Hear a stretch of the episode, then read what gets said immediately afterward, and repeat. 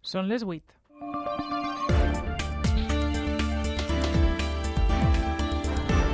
Les notícies de la nit amb Sara Garcia i José Soler.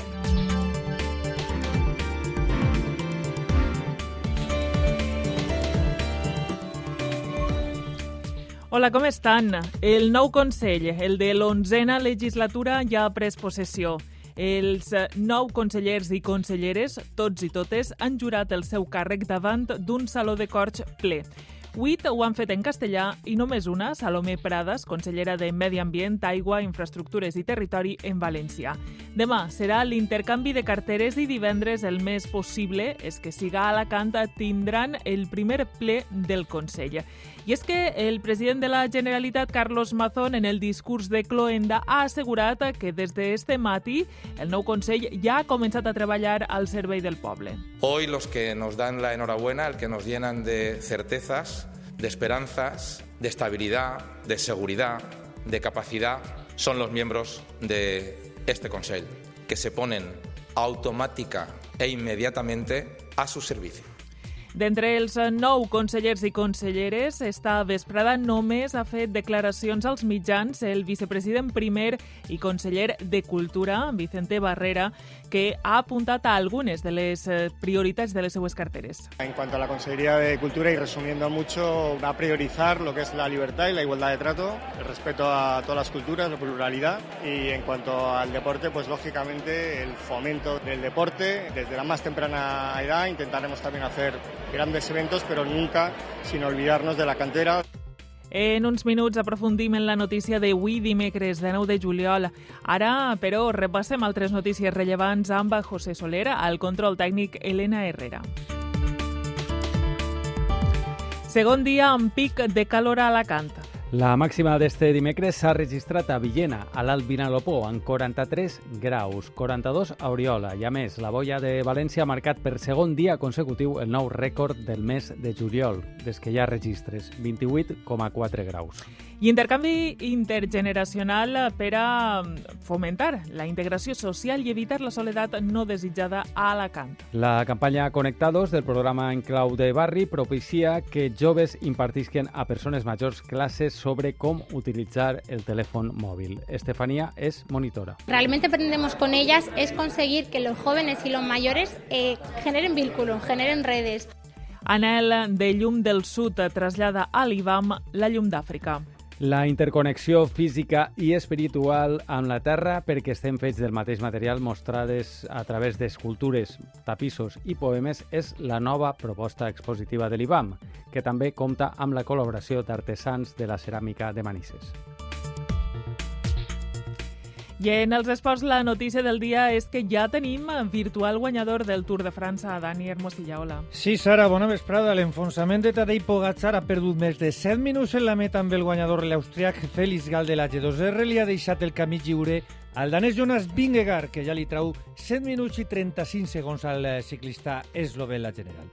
L'altra notícia del dia reste que veure amb esta i que també tractarem és la confirmació per part del TSG andalús de la condena de 4 anys a l'exfutbolista del València i ara del Celta Santimina, qui va agredir sexualment una dona el 2022 a Mojácar, a Almeria. Això sí, rebaixa la indemnització a 25.000 euros. Per cert, que Rubén Burgos, i és notícia d'última hora, ha renovat amb el vigent campió de Lliga, el València Bàsquet, fins el 2025. Gràcies, Dani. Sobre I25, més esports. I ara parlem de l'oratge. Continua la calor intensa i avui també tenim tempestes. Bona vesprada, Joan Carles Fortea. Bona vesprada, Sara. Quina és la situació que tenim a hores d'ara i, sobretot, també saber quines són les previsions de demà i els pròxims dies? Hores d'ara les temperatures no són tan altes com ahir aquestes hores, tot i això encara en tenim valors de més de 37 graus a la plana d'Utiel Requena i a la vall de Llora Cofrents. Com bé comentàveu, les temperatures més altes avui s'han registrat al, al terme municipal de Requena, d'Oriol o de Villena, on s'han superat els 41 graus.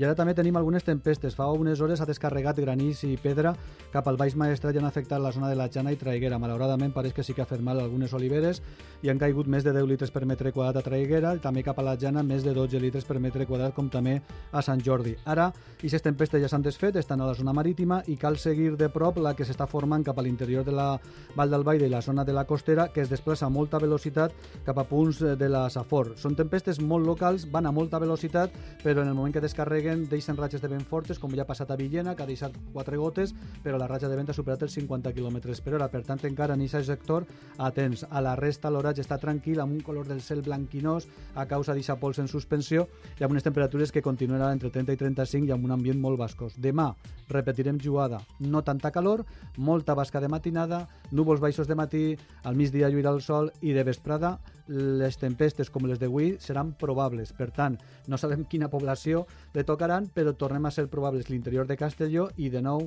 l'interior de València i l'interior d'Alacant. Se passaran molt ràpides, però aquí li toque, les ratxes de vent poden ser fortes, descarregar mm, en no res uns 5 litres per metre quadrat i és el que tenim més destacable. Les temperatures demà afluixen, l'avís ja és només groc, per tant, la calor intensa se'n va, però la calor de juliol no. I això és la que se mantindrà nosaltres també divendres. Han vist el cap de setmana, les temperatures volen remuntar diumenge i dilluns, però ja en parlarem. Més ja en parlarem. Moltes gràcies, Joan Carles. Fins ara. Adéu. Escoltes a punt. Les notícies de la nit.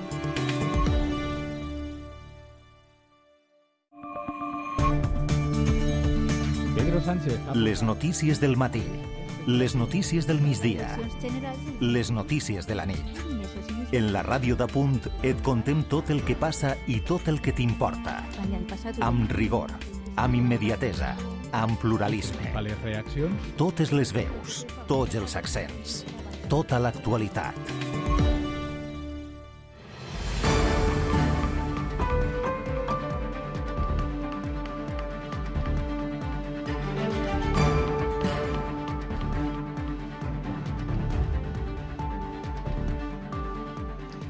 Són les 8 i 7 pràcticament. Comencem el relat informatiu a les notícies de la nit amb la fórmula del jurament i majoritàriament en castellà els nou consellers i conselleres del govern de Carlos Mazón han pres possessió del càrrec esta vesprada en un acte protocolari que ha presidit el president de la Generalitat. En el discurs de Cloenda, Mazón ha destacat que són les millors persones per a dur a terme les tasques encomanades i que es posen a treballar al servei de la ciutadania. Adelaida Ferre. Jurant el càrrec i en castellà, a excepció de la consellera de Medi Ambient, els nou membres del govern de Mazón han pres possessió del càrrec. Dos dones són les figures fortes. D'una banda, la vicepresidenta segona i consellera d'Igualtat, Susana Camarero. D'una altra, la consellera d'Hisenda i portaveu del Consell, Ruth Merino. Con muchísimas ganas y con muchísima ilusión. Siendo una grandísima responsabilidad y muchísimo agradecimiento por la confianza. L'empremta simbòlica de Vox la representa el vicepresident primer i conseller de Cultura i Esports, Vicente Barrera, que ocuparà el Palau dels Català de Valeriola, on fins ara s'allotjava la Conselleria d'Igualtat. Va a priorizar lo que es la libertad y la igualdad de trato el respeto a totes les cultures, la pluralitat. Demà es produirà l'intercanvi de carteres amb els consellers recents i divendres des d'Alacant el nou Consell prendrà ja les primeres mesures. Algunes ja les han avançades els responsables dels departaments.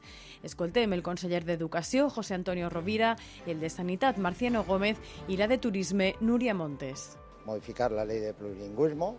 No tiene sentido que en aquellas zonas, por ejemplo, donde los alumnos siguen teniendo el derecho de estar exentos de valenciano, se les impongan asignaturas. Ciclo de Alicante, quizás. Los que nos dedicamos al turismo ya sabemos lo que es esto, así que vamos, vamos a por todas y a hacer un trabajo, espero que espectacular. Una feina que, segons Carlos Mazón, comença immediatament i que estarà al servei de la ciutadania. Un Consell que comença ja a treballar en el govern del canvi, com l'ha anomenat el mateix president de la Generalitat. En la signatura dels dos primers decrets, com a cap del Consell, Carlos Mazona ha apostat per simplificar l'estructura i la composició del seu executiu i s'espera que els pròxims dies prenga també mesures per eliminar o rebaixar alguns impostos. Una crònica de Laura Ballarri. Amb l'elecció i nomenament dels nous consellers i conselleres, Carlos Mazón posa en marxa una de les primeres mesures d'este govern, la simplificació de l'administració reduint els departaments i els seus titulars de 12 a 10. Hi havia overbooking de polítiques i de polítics. Un procés que continuarà divendres en un primer ple del Consell en què es decidiran quantes secretaries autonòmiques i direccions generals tindrà l'executiu. Dimensió i estructura. Ese serà El siguiente decreto... D'eixa primera reunió, que serà a Alacant, podria eixir també l'eliminació de l'impost de successions i donacions i de la taxa turística. Preparamos eh, primeras medidas ya rápidas y urgentes en materia de eh, ahorro fiscal. Este Consell treballarà més per assolir la sobirania energètica No se puede hablar de autogobierno si somos dependientes energéticamente de fuera. i posarà l'accent en la innovació. Que las políticas de innovación vayan invadiendo de manera transversal a nuestros sectores productivos. S'aposta també per la descentralització de l'administració valenciana, mantenint part de la Conselleria d'Innovació, Indústria, Comerç i Turisme a Alacant. I l'oposició s'ha mostrat especialment crítica amb el nomenament del nou Consell. Tant Compromís com el PSPB acusen el Partit Popular d'obrir les portes a Vox i deixar-los entrar en el govern valencià. Rebeca Torró, síndica socialista, i Joan Baldoví, síndic de Compromís. Mazón ha nombrado un consejo rehén de la extrema derecha, lleno de viejas glorias y de trásfugas como la nueva portavoz Ruth Merino. La marca Zaplana presente en todo el Consejo. De hecho, Zaplana los crió y ellos solo se juntan. Y ya sabemos todo lo que supuso para la comunidad aquella época. Crec que eh, no pot haver eh, pitjor manera de començar un govern que ficar al cap de la cultura, que en definitiva té, eh, seria sinònim de llibertat, a un conseller de Cultura que aplaudeix la censura de eh, TVOs per a xiquets eh, escrits en valencià. També la Diputació de València ha presentat el seu nou equip de govern encapçalat pel popular Vicent Mompo. El nou executiu provincial compta amb una vicepresidència i un total de 12 delegacions amb paritat. Les ocuparan 6 homes i 6 dones, tots i totes pertanyen al Partit Popular. La incògnita a hores d'ara és si Natàlia Enguix, del partit Ens Unix, ocuparà alguna vicepresidència després de fer possible que el PP estiga al capdavant de la corporació provincial. Les negociacions estan obertes, tal com confirma el president de la Diputació, Vicent Mompo. Supost, eh, continuem parlant en ells, eh, perquè hem de parlar de, de delegacions, hem de parlar de la vicepresidència i sobretot hem de parlar de municipalisme, dels nostres pobles i, i de com anem a gestionar la, la Diputació. El que vulguem és comptar-los i que vesquen, igual que en les negociacions, que, que estem parlant de lo mateix, que, que, que som el govern que més assimila a lo que, a lo que volen els nostres pobles i que la Vallès Units pues, ha d'estar també en, en aquest govern. Escoltes a punt. Les notícies de la nit. Eleccions Generals 2023.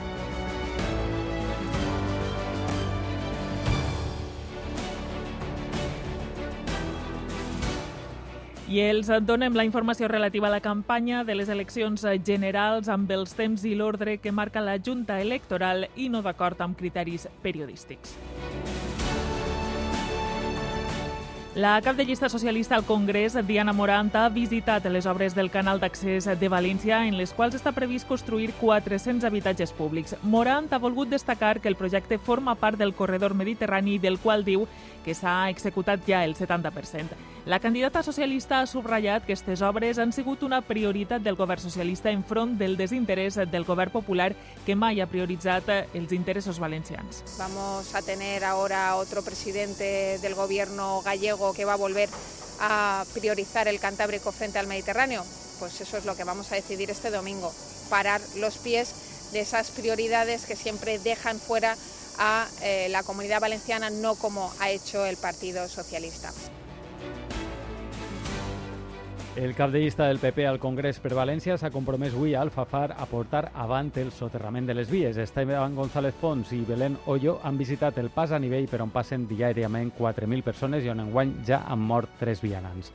Han demanat el compromís de tots els partits amb el soterrament d'esta infraestructura ferroviària. Pons ha dit que aquest punt és una metàfora de l'abandonament que ha patit València per part de Pedro Sánchez.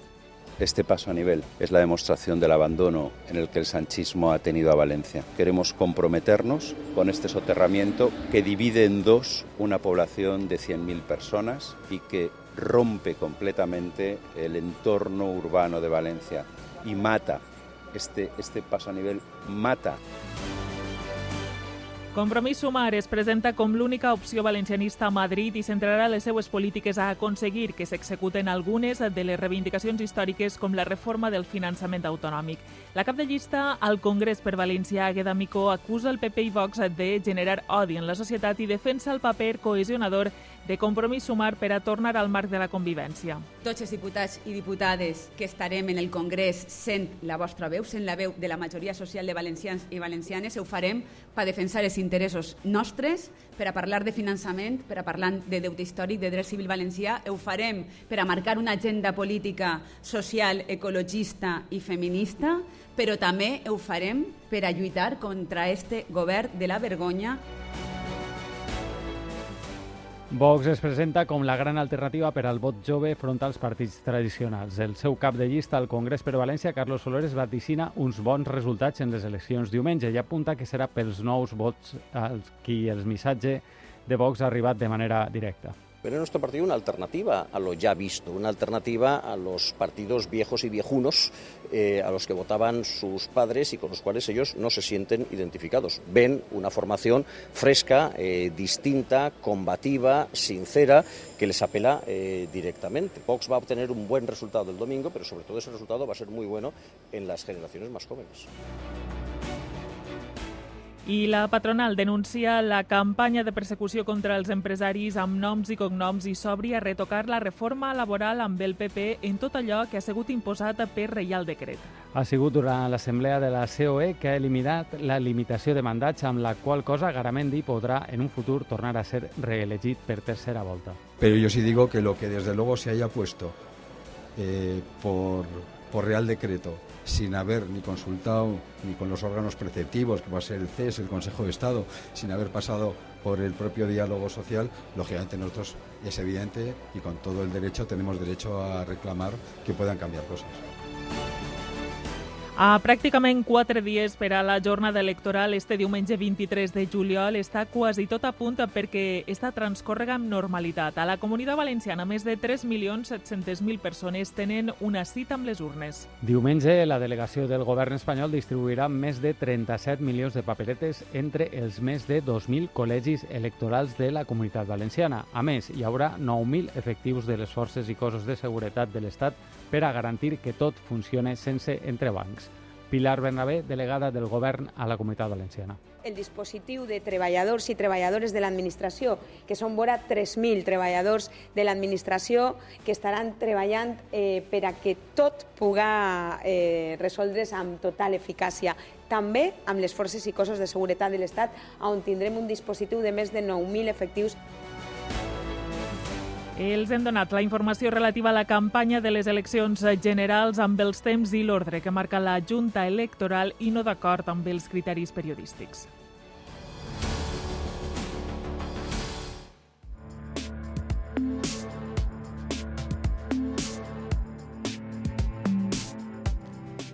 I parlem eh, d'altres qüestions. A les notícies de la nit eh, fem, eh, ho fem en estos moments de la calor que s'ha intensificat avui, sobretot a les comarques del sud. Nits tòrrides una altra volta a punts com Benillop, Alcoi o Balones. I durant el dia a Villena s'ha registrat la màxima d'avui amb 43 graus.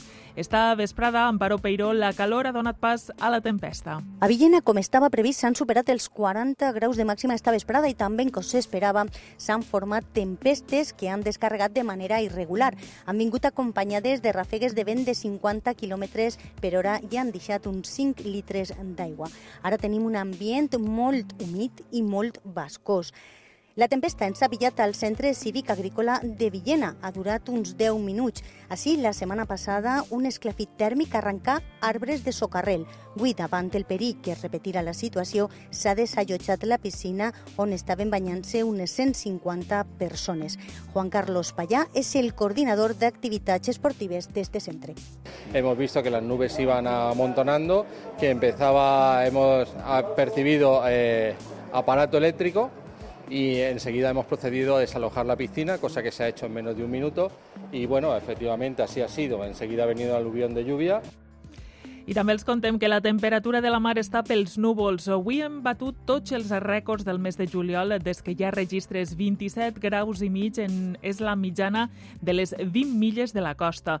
Joan Miquel Llopis. I encara hem d'afegir un nou rècord. La boia de València, per segon dia consecutiu, ha arribat als 28,4 graus, una anomalia que està entre els 3 i 5 graus per damunt del que seria el normal. La mar, amb temperatura disparada a mitjan juliol, però encara preocupa més el que queda d'estiu. José Ángel Núñez, portaveu d'AEMET a la Comunitat Valenciana. Estamos a día 19 y ya tenemos, eh, probablemente se va a registrar el máximo histórico en la boya de Valencia. Ayer con una temperatura de 28,4 grados se quedó solamente a una décima del máximo histórico del, del mes de julio del 2006 y probablemente, pues, eh, si no es hoy, será en los próximos días, se supera ese registro. El màxim històric de temperatura de la Mediterrània es va registrar l'11 d'agost de l'any passat, quan la boia de València va fregar els 30 graus. Por tanto, todavía quedan, eh, quedan días de ascenso hasta llegar a, más o menos a mitad de mes, que es cuando se registran los máximos. Per a les pròximes jornades hi ha canvi respecte al que estem passant estos dies. Entrarà el ponent. Y cuando sopla poniente favorece la surgencia de aguas profundas y la superficie del mar se enfría algo. I este canvi ens pot fer passar unes nits més agradables. I a Espanya les altes temperatures no donen treva als termòmetres que continuen marcant valors per damunt dels 40 graus. Es tracta de la tercera onada de calor d'est estiu. La imatge generalitzada és de carrers buits i piscines plenes. És el que s'està vivint a comunitats com Múrcia i Andalusia per a fer front a les altes temperatures. Màxims històrics que també s'estan vivint a Aragó i Catalunya, que continuen en alerta com a conseqüència de la calor intensa. La calor, però, està trencant rècords en mig món i provocant fenòmens extrems, eh, com els incendis que destrossen Grècia, on des de fa tres dies lluiten contra els focs descontrolats que envolten Atenes i els que afecten l'illa de Rodes. Itàlia és un forn i lidera l'onada de calor que afecta Europa, màximes de 45 graus a Sardenya. Nou departaments de França estan en alerta taronja. Al sud s'han superat els 40 graus i als Alps han arribat als 30. I als Estats Units l'onada de calor està afectant sobretot el sud-oest, sud-oest del país. Phoenix porta 19 dies consecutius superant els 43 graus. A Àsia, les altes temperatures s'alternen amb pluja torrencial. Pequín ha superat el seu rècord amb 27 dies que els termòmetres no abaixen dels 35 graus. A punt. Les notícies de la nit. La comunicació entre generacions és necessària, transmet coneixements útils per a la vida. Les noves tecnologies són en moltes ocasions un obstacle, però en el cas que els contem ara no ho són. Es tracta de classes d'utilització de telèfons mòbils que uns joves impartixen a persones majors en un barri d'Alacant. D'esta manera es fomenta la integració social i s'evita la soledat no desitjada. Una crònica de Manel Biosca. Txelo té 88 anys i viu a soles al barri Alacantí del Pla. És l'hora d'anar a classe, tanca la tele i agafa el mòbil. El necessitarà. Assistís a classe d'utilització del telèfon dins de la campanya Conectados del programa En Clau de Barri. Estefanía y María son monitores. Realmente pretendemos con ellas es conseguir que los jóvenes y los mayores eh, generen vínculos, generen redes. No saben pedir una cita, no saben poner un contacto de emergencia. Cogimos esa necesidad, se la transmitimos a los jóvenes y fueron ellos y ellas quienes nos dijeron, oye, pues nosotros podemos ayudar. I Santi és el participant en este projecte que està encarregat de fer-li la classe. Li explica a Chelo com descarregar y emprar la aplicación de salud de la Generalitat. Y entonces, si quieres pedir una cita, por ejemplo, aquí te muestra el resumen de las citas próximas que tienes, ¿ves? Que dice próxima cita y te muestra la fecha y la hora. Pues lo he cogido bien, porque yo eso de mandar las fotos, de mandar los vídeos y todo eso, yo me llamaban y yo llamo. Pero lo demás ya no sabía nada más, porque mi hija me lo lleva todo. A més de mòbils i dispositius tecnològics, història de vida, cuina i art són algunes de les matèries que es tracten en este programa intergeneracional.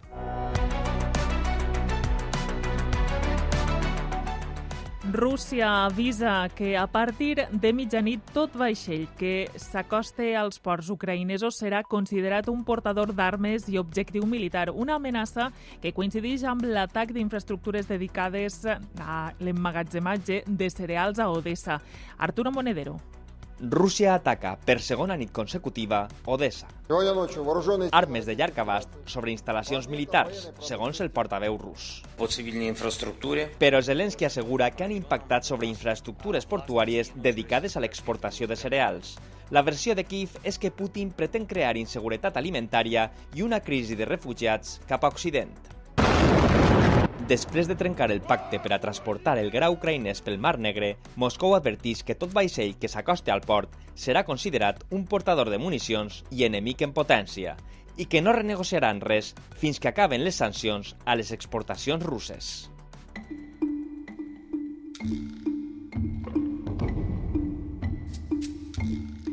La llum d'Àfrica arriba a l'Ibam amb l'exposició Anels de llum del sud. Escultures, tapissos i poemes mostren la connexió humana a la terra.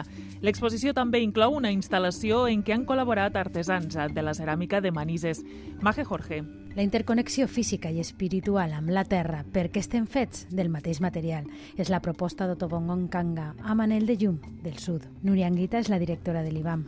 I és una exposició on els afectes, la cura, la preservació està molt present. I en esta relació l'artista africana posa en el centre de l'obra la sobreexplotació que està esgotant la terra i la vida dels quals l'habiten. Però en este paisatge desolador sempre existís una possibilitat reparadora. It's not only trying to understand the no es tracta només d'intentar entendre la terra, també és entendre l'entorn, la seva calor, la seva llum i com ens afecta en qui som i com és el nostre lloc en este planeta. L'exposició es podrà visitar fins al 7 de gener.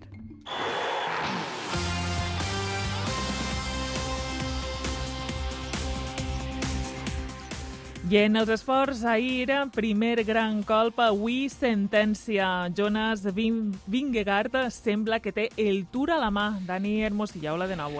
Hola de nou, Sara. Eh, sí, Tadej Pogacar eh, va acabar tocat en la crono d'ahir i avui ha firmat la seva sentència. Cal dir que l'inici de l'etapa Pogacar eh, ha caigut però sense conseqüències, ha pogut continuar. A l'inici de l'últim port, el col de la Los, de categoria especial, s'ha quedat del grup principal ja ha començat a perdre temps. Jonas Vingegaard ha vist l'oportunitat de, de sentenciar el Tour i se n'ha anat en solitari cap a la meta on ha arribat a un minut i 52 segons del guanyador, l'austriac de l'H2R, Félix Gal. Altres titulars que es deixa al Tour, Adam Jace confirma el podi, de per al qual s'allunya Carlos Rodríguez, que està a 1-7 del britànic, que és quart. Altre dels triomfadors, Pello Bilbao, que s'acosta al top 5, ha sigut 8 tercer per davant de Vingegaard i la general amb Vingegaard líder, Pogacar a 7.35, Geich a 10.45, Carlos Rodríguez a 12.09 i Pello Bilbao, que és el que fa 6 a 12.50. Demà, etapa 17, totalment plana.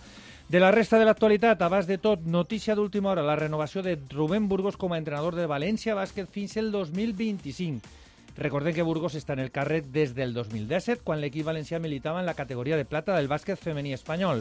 Ara l'equip ha guanyat Europa, la Lliga i jugarà per segona vegada a la Lliga de Campiones. Anem a una altra de les notícies del dia perquè el Tribunal de Justícia d'Andalusia ha confirmat la pena de 4 anys de presó al davanter del Celta Santimina, imposada per l'Audiència Provincial d'Almeria per abusar sexualment d'una dona a Mojácar, el TSG andalús. Això sí, ha rebaixat la indemnització a la víctima de 50.000 a 25.000 euros. Quant a l'actualitat dels eh, nostres equips de futbol, comencem pels de primera. Sara Sebastián, bona vesprada. Bona vesprada. Avui resaca dels amistosos que van jugar ahir tant el València com el Villarreal. En el València destaca un futbolista que ja va lluir en el final de la passada temporada, autor de la victòria del València contra el Nottingham Forest en el primer test de la pretemporada. El sentim. No soy muy de, de marcar goles, pero bueno, hoy, hoy se ha dado que, he podido marcar gol y, y nada, intentar seguir con, buenas sensaciones. Es la primera pretemporada que, que empiezo desde el principio como, integrante de la primera plantilla y coger sensaciones y, y la continuidad de, del año pasado. Era Javi Guerra l'autor del gol i en el Villarreal, Sara? En el Villarreal també satisfacció. Després de la derrota per 6 a 1 contra el Sant Galen, necessitava millorar la imatge. El 0-3 final mostrava el canvi de l'equip amb els gols de Gerard Moreno i Ramon Terrats. També destaca el debut d'Ilias. Pedraza, el golejador. Yo creo que se ha visto el Villarreal de, de, la temporada pasada, de, manejando el balón, siendo intenso, controlando bien el partido desde la defensa y yo creo que estamos encontrando las sensaciones y ya está el camino. Parlem ara de que continua interessat en el valencianista Fran Pérez, titular a Irán Baraja. Des de la direcció esportiva del club Javer, Mauro Óbolo encara es mostra optimista sobre la posible arribada del jugador. Las demarcaciones, salvo el lateral por izquierda, estamos eh, buscando en todas la, las posiciones. Eh, la verdad que estamos muy contentos con, el rendimiento de los juveniles y bueno, con el presupuesto estamos bien. Eh, ahora en estos días con la llegada de Cristian vamos a tener un número más exacto, y, pero bueno, estamos bien y consideramos de que vamos a conformar una buena plantilla. Bé, baixem d'escaló i parlem de la primera federació perquè avui hem conegut el calendari de partits, ara. Així, el Castelló iniciarà la Lliga a Castàlia contra el Màlaga, com l'Alcoyà, que rebrà l'Atlético Sanluqueño. Per la seva banda, l'Intercity visitarà l'estadi del degà del futbol espanyol, el Recreativo de Huelva. En l'última jornada de la Lliga hi haurà un duel autonòmic amb l'Alcoyà Intercity en què tots dos podrien estar jugant-se els objectius en la categoria. El Castelló finalitzarà la campanya regular jugant a casa contra l'equip andalús de l'Atlético Sanluqueño. I ja acabem, Sara, amb Sara Sorribes, precisament, que ha guanyat 6-3 i 6-3 la italiana Brancaccio en els octaus de final del torneig de Palermo i es troba en els quarts de final. Sara. Moltes gràcies, en Dani. Eh? Sí, avui va les àrees. Posem així punt final a les notícies de la nit d'avui. Moltes gràcies, com sempre, per estar a l'altra banda. I ja saben que a partir d'ara, actualitat musical amb Territori Sonor. Bona nit.